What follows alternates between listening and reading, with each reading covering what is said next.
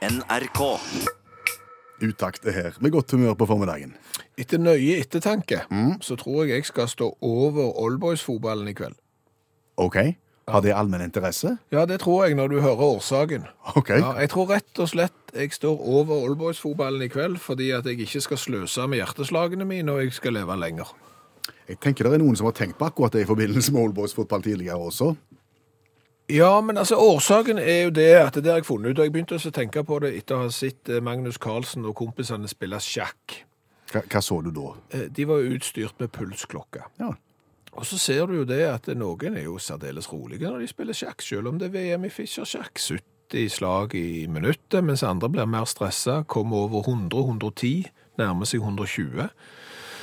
Og så begynte jeg å tenke på om det er sånn at det går an å bruke opp hjerteslagene sine.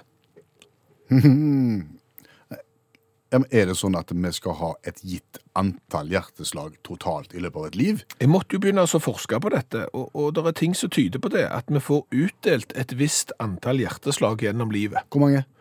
Ja, altså hvor mange? Hvis du sier at eh, den norske befolkning i snitt har en sånn hvilepuls på 72-73 ganger i minuttet, og du blir 80 år, så er du vel på 3 milliarder slag da, sånn cirka. Da noterer jeg 3 milliarder. Ja. Så, så det er jo ting da som tyder på nettopp dette, for det at en mus, de- den har 600 slag i minuttet. Og da går det fort. Og da går det fort, den blir ikke mer enn to år. Nei. Mens en skilpadde, 30-40 slag i, i minuttet, og de blir jo gjerne 150. Da begynner jeg å forstå Oldboys-greiene dine. For du tenker at hvis du går på Oldboys-fotballen, såpass utrent som du er, Ja. så vil det hjerteslagene rase av gårde i den der halvannen timen det pågår. Ja. Og da bruker du opp mer enn du hadde brukt hvis du lå hjemme og hvilte. Ja, nettopp. Så det er jo litt dumt å gå på trening for å bli yngre. Det altså bli, ikke bli så gammel, hvis du skjønner. At det kanskje det svarer seg faktisk å ikke trene. Dette er veldig snodig forskning, det du presenterer nå, fordi at det er jo det vanligst, vanligvis det motsatte vi blir fortalt. Ja. At vi forlenger livet med trening. Ja, og, og, og som sagt, dette her er jo ikke noe jeg, dette har jeg gått grundig inn i. Ja. Så, så det er en balansegang, ser du. Ja, har tenkt på Ingebrigtsen-guttene, for eksempel. ja. Som da sikkert har brukt opp noe helt voldsomt med hjerteslag i, i ung alder. Ja. Lever de farlig, tenker du? Eller, eller kort? Tja, for, for det som jeg har funnet, jeg må finne den rette balansegangen. For det viser seg det at hvis du trener og er i god form, Ja. så har du gjerne en lavere hvilepuls enn folk som ikke er godt trente. Sånn at det, hvis du da har lav hvilepuls i, la oss si, eh, 22 timer i døgnet, så klarer du da sannsynligvis å kompensere for de høye eh, Ah, dosene du får når du da driver med trening. Så du går i null, på en måte? Ja, eller du går faktisk i minus. Men, men du må jo finne skjæringspunktet her. Ja. Sånn at du ikke bruker opp hjerteslagene dine unødvendig. så, sånn at du blir sittende igjen ja, som en gammel mann og har akkurat liksom fått mest valuta for pengene, ja. hvis du skjønner. Men du sier altså at jeg får roligere hvilepuls av å bruke mye hjerteslag? Det er ting som tyder på det, ja. Idrettsutøvere har gjerne 35-40 slag i minuttet i hvilepuls, Okay. så de sparer jo litt der. Hva tenker du nå om olbosen i kveld? Jeg tror jeg går, jeg. Ja. Skal ikke gjøre så mye ut av det, kanskje? Nei, nei, jeg skal ikke. Jeg, skal, jeg kan stå bak, Ja. sånn som jeg pleier. Tre milliarder hjerteslag, Tre milliarder hjerteslag er det du kanskje har tildelt i livet, ja. og da Finn er ut du, hva- ja, er du ca. 80 år, da. Da er du 80 år, ja. Da har vi runda godt over halvannen, to, nærmere to milliarder. Men nå, da? Nærmest to milliarder. Ja, gjør vi ikke det? Nå ble jeg nervøs igjen. Nå, nå, nå må du ikke gå.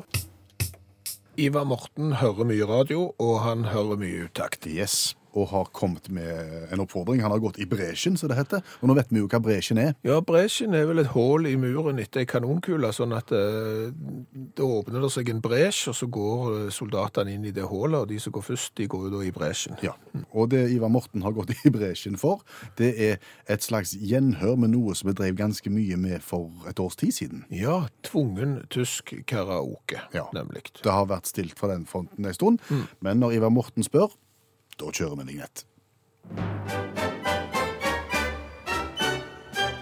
Wir spielen gezwungenes deutsches Karaoke.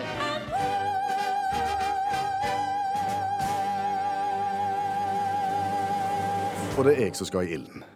Det er du som skal synge tvungen tysk karaoke, og det er jo veldig enkelt. Vi har funnet en tysk sang som vi antar at du aldri har hørt. Eh, Så skal du bare få teksten i hånd, få på karaokemusikken og syng. Vrient. Ja. Kjempevrient. Eh, Den sangen som jeg tror du aldri har hørt, og, og som du skal synge i dag, det er nemlig Tyskland sitt Melodi Grand Prix-bidrag i 1975. Ah, Ein Lied kan eine Bruche sein av Joy Fleming. ring ingen bjeller. Nei, og, og Joy Fleming heter jo egentlig ikke Joy Fleming heller. Hun heter Erna Rad. Er ikke lenger blant oss, eh, dessverre. Var med i Melodi Grand Prix i Stockholm i 1975. Ble nummer 17 av 19. Så det ble liksom ikke verdens største hit, iallfall. Nei, OK. Det vi må gjøre, er at du som hører på radio nå, du må jo få høre litt av denne sangen, så du vet liksom hvordan originalen er. Så kan du sammenligne om Kvinnesland da klarer å synge den. Så hvis du bare går ut, Per Øystein. Sånn, ja. Da er Kvinnesland ute, og så skal du få høre bitte litt av Ein Liedkein, eine Brucke sein.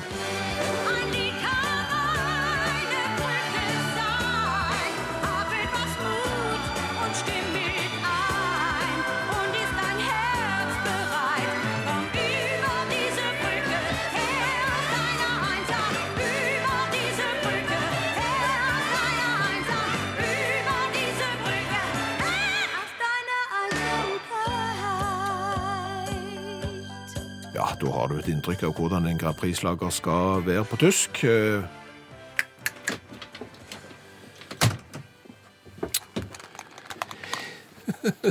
Ja, du ler, du. Ja, hjertelig velkommen. Tror du Norges befolkning sitter og ler hun, Nei. og gleder seg til at dette skal gå galt?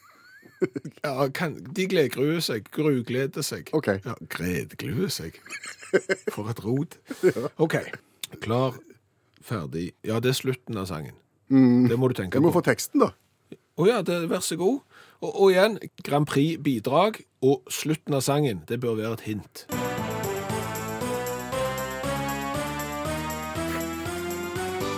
Hellig kann eine Brücken sein, hast etwas Mut, ein Stimme dein, und ist dein Herz bereit, komm über die Brücke heraus sein, heraus sein, über bruker, er heraus Einsamkeit, ja, Keit. Det var ikke Grand Prix-slutt, det.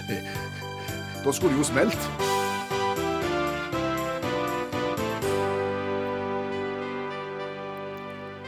Var jeg altfor tidlig ferdig? Eh, For så vidt ikke, fordi at det var, skal være instrumentalt til, til slutt. Eh, Nå vet jeg at du sikkert har lyst til å høre hvordan det faktisk var. Eh, melodilinja var du jo innom på et vis, for du skjønte jo eh, liksom hva akkordene gikk i her. Men eh, timing og, og greier var 110% ute. Det skjønner jeg. Da går vi på originalen.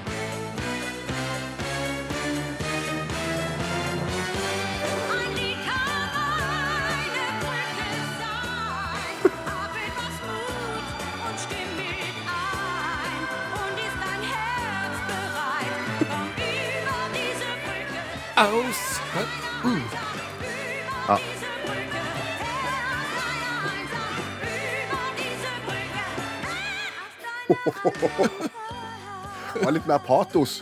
Hva heter damen, sa du? Erna Rad, som jeg velger å kalle det. Au. Ja. Det er da fire minutter av livet du aldri kommer til å få igjen. Tvungen tysk karaoke med Per Øystein Kvindesland. Tusen takk for meg.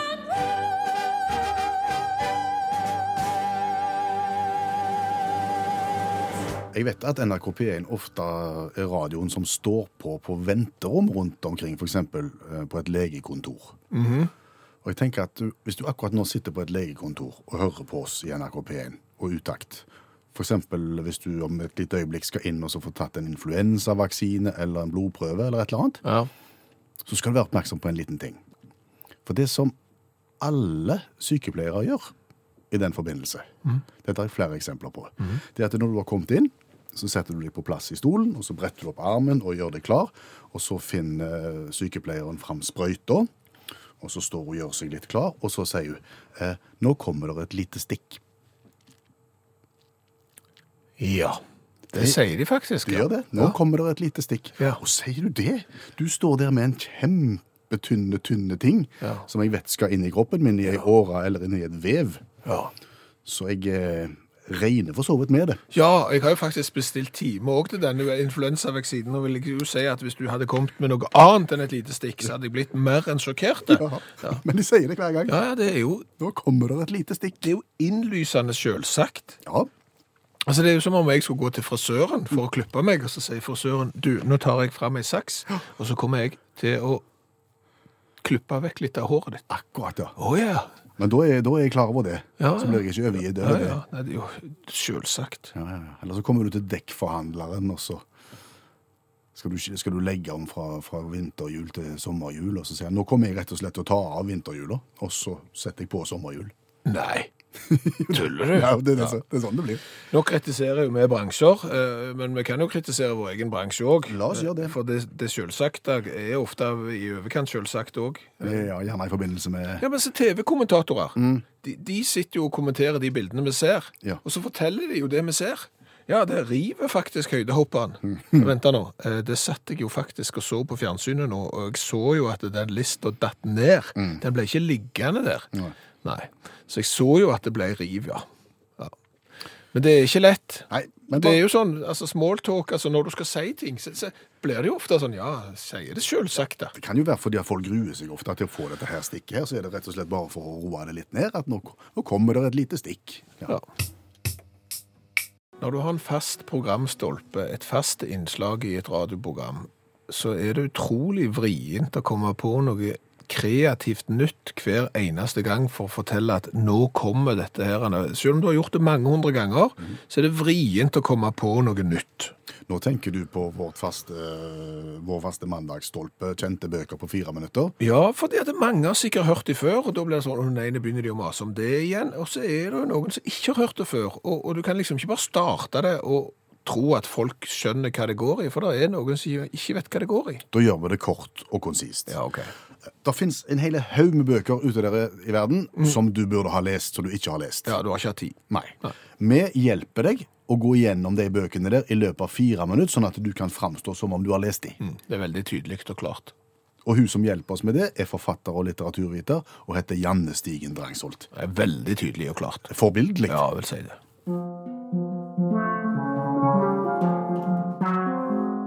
Konspirasjonen mot Amerika fra 2004 av Philip Roth. USA 1940. Flyhelten Charles Lindberg blir valgt som president i USA. Det første han gjør, er å signere en ikke-angrepsavtale med Hitler. Akkurat det er ikke spesielt gode nyheter for syv år gamle Philip Roth, som bor med sin jødiske familie i Newark. Det hørtes spennende ut. Altså, her er det et alternativt løp fra 1940 i forhold til det vi opplevde. Det er veldig spennende, faktisk. Eh, og så her blir eh, Charles Lindberg valgt istedenfor eh, Roosevelt. Hva skjer da? Det eh, Philip Roth utforsker, er jo liksom altså, Kunne det som skjedde i Nazi-Tyskland, bare skjedd i Tyskland, eller har det mye å si hvem som faktisk blir valgt som leder? Og Derfor så var det jo veldig mange som syntes at denne boka ble veldig skummel å lese eh, når USA fikk en, en ny president eh, forrige gang det var valg. Men hvor langt fram i historien går en her, da?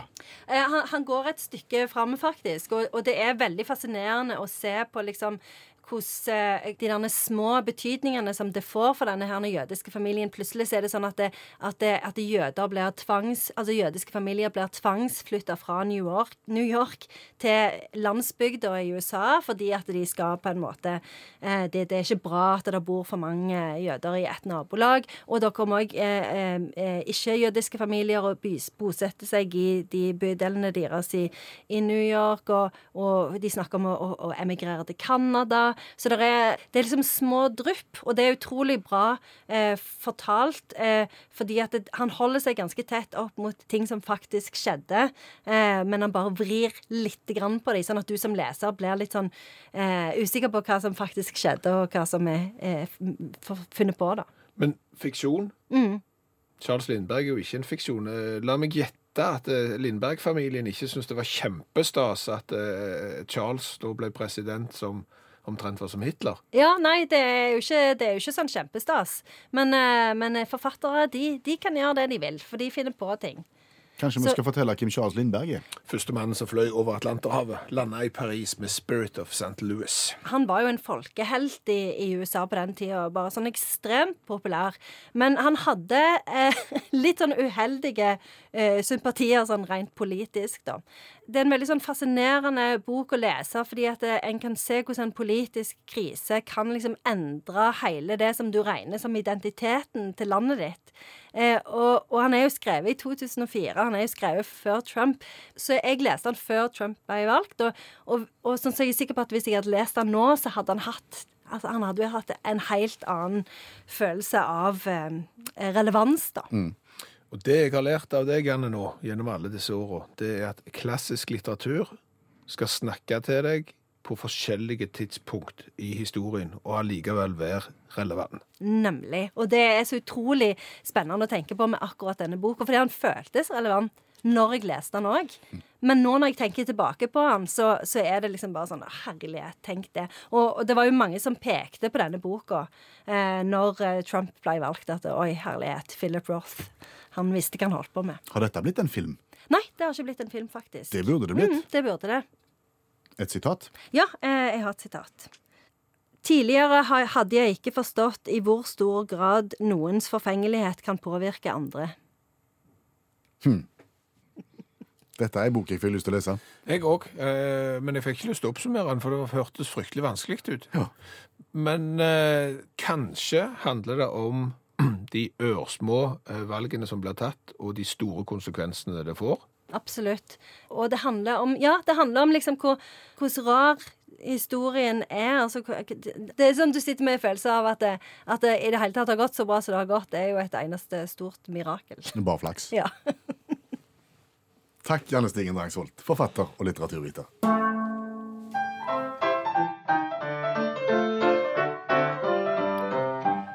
Dagens revyvise. Ja, og vi skal til United States of the USA, nærmere bestemt til staten Utah og byen Salt Lake City.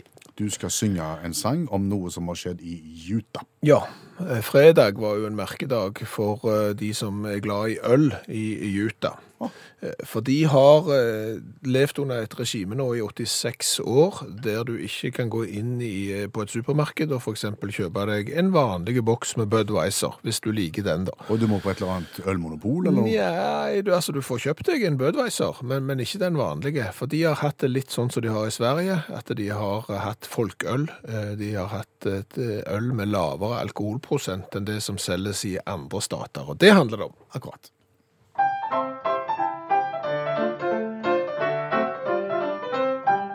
Hipp hurra, i Utah så er ølfolket glad. Nå kan de kjøpe seg langt mer enn en lettøl. For i 86 år var det vondt å ta en tår som ei som ut som vann og smakte som noe søl. Nå kommer endelig helt vanlig pils på plass. I butikk på boks og puber nok på glass. I mormonernes borg er det ganske sikkert sånn når ølet flommer fritt på puber og på torg. Hurra for Utah. Hurra for Utah. Ja, det er noen nødrim der som ikke er spesielt god, men, men sånn er det. Øl og søl Ja. eh, har det blitt. Eh, men som sagt, 86 år historie nå med øl med, med lav prosent er historie, og, og Budweiser, eh, bryggerigiganten i USA, var rundt med hestevogna si og bryggerihestene, og, og gravla da dette lavalkoholølet nå i helga, eh, for å vise at nå går det an å få kjøpe den andre ølen. Og som sagt så er det jo mormonernes eh, stat, dette her. Eh, Salt Lake City har jo òg hatt OL, blant annet, og det har jo vært litt problematisk med den alkohollovgivningen som de har hatt, så de gjorde jo eksempel unntak når de hadde vinter-OL. Og store bryggerier og sånn har jo flytta ut av staten, og til slutt så fant de vel nå ut at handelslekkasjen og problemene ble så store at nå gjør vi sånn som de andre gjør. Ok. Vet du hva? Nei. Vi har jo vært i en sånn stat med. Vi har jo vært i en sånn kommune der de ikke solgte alkohol i det hele tatt. I det- et såkalt dry county. Ja. Det er spesielt. Ja. Og, og, og hva skjedde da? Altså Det som skjer er at folk drikker ikke mindre i de områdene der du ikke kan kjøpe alkohol. De bare kjøper det en annen plass, og så pakker de det inn istedenfor. Ja, og da kan de sitte på restaurant faktisk, Ja. med øl innpakt i servietten sin, Ja. og serveringspersonalet gjør ingenting med det. Nei, skal ikke vise. Så har de vært over grensen, og så har de kjøpt det der, og så ligger alle pengene i nabokommunen. Hvis vi kommer på noe som vi syns er gøy i løpet av et uttaktprogram, så skriver vi det ned med kulepenn på en liten sånn notisblokk som ligger ved siden av oss. Ja. Eh, Og hvis vi fremdeles syns det er gøy etter at programmet er over, eh, så skriver vi det inn på EDB-maskinen, eh, sånn at det eventuelt kan være med i morgendagens program. Begynner med litt håndskrift, men for, for fortsette inn i EDB-maskinen, som du sier. Ja, så, så kan du si at når vi skriver, så skriver vi 20 for hånd, 80% på EDB-maskin. Ja, noe sånn. Han, handlelister er fortsatt uh, håndskrevet hos meg, iallfall. Ok, ja. Men det er vel omtrent det eneste også. Ja, og, og de òg begynner å bli mer og mer digitaliserte. Du skriver gjerne på eh, mobilen, sender den til den som skal handle, og så, ja, mhm, så ser du den sånn. Hva er det egentlig vi prøver å si nå?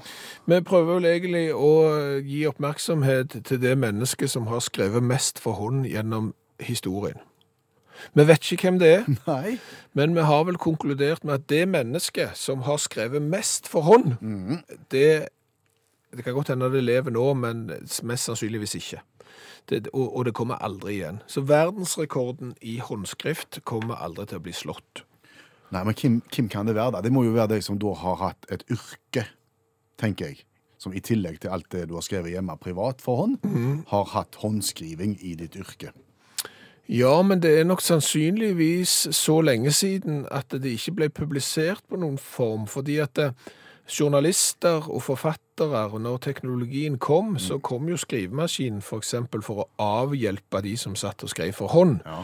Eh, og, og, og dermed så har de nok skrevet mer for hånd før det òg. Og sten, stenografene, da? eh, sånne som satt og noterer ting? Ja, altså stenografene før du satt i rettssalen og skriver med sånn forte, forte, forte-maskin. Ja, ja. ja, det kan være de. Men så vet du, folk kommuniserte jo med brev. Ja, ja, ja. Altså Istedenfor å ringe og si 'hallais, det er mor', så, så, så sendte de brev. ja. Og da skrev de mye òg. Ja. Nei, Så det skal være spennende å visst hvem i verdenshistorien som har skrevet mest for hånd. Det er ikke sikkert vedkommende er blant oss. Tvilsomt. Og jeg må spørre, hva har vi lært i dag? Vi har jo lært litt i dag òg. Jeg har jo lært blant annet at i dag er det din tur.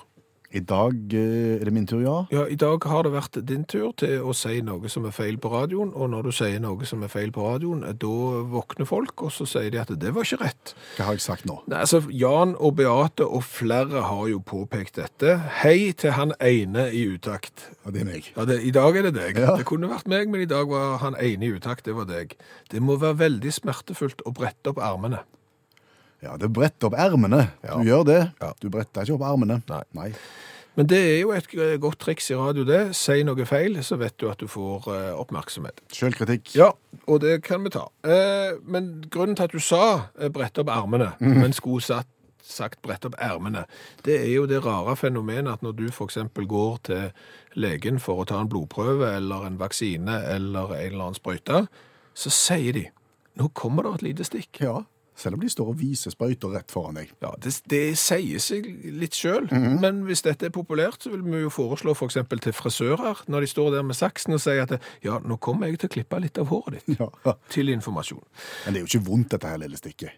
Å nei da, det er jo ikke vondt. Men det er mye vondere å, å ta av det plasteret som har liksom festa den lille bomullsdotten som vi teipa på etterpå. Det er mye vondere, sier Bjørn, og der er jeg helt enig med Bjørn. For jeg òg heter Bjørn.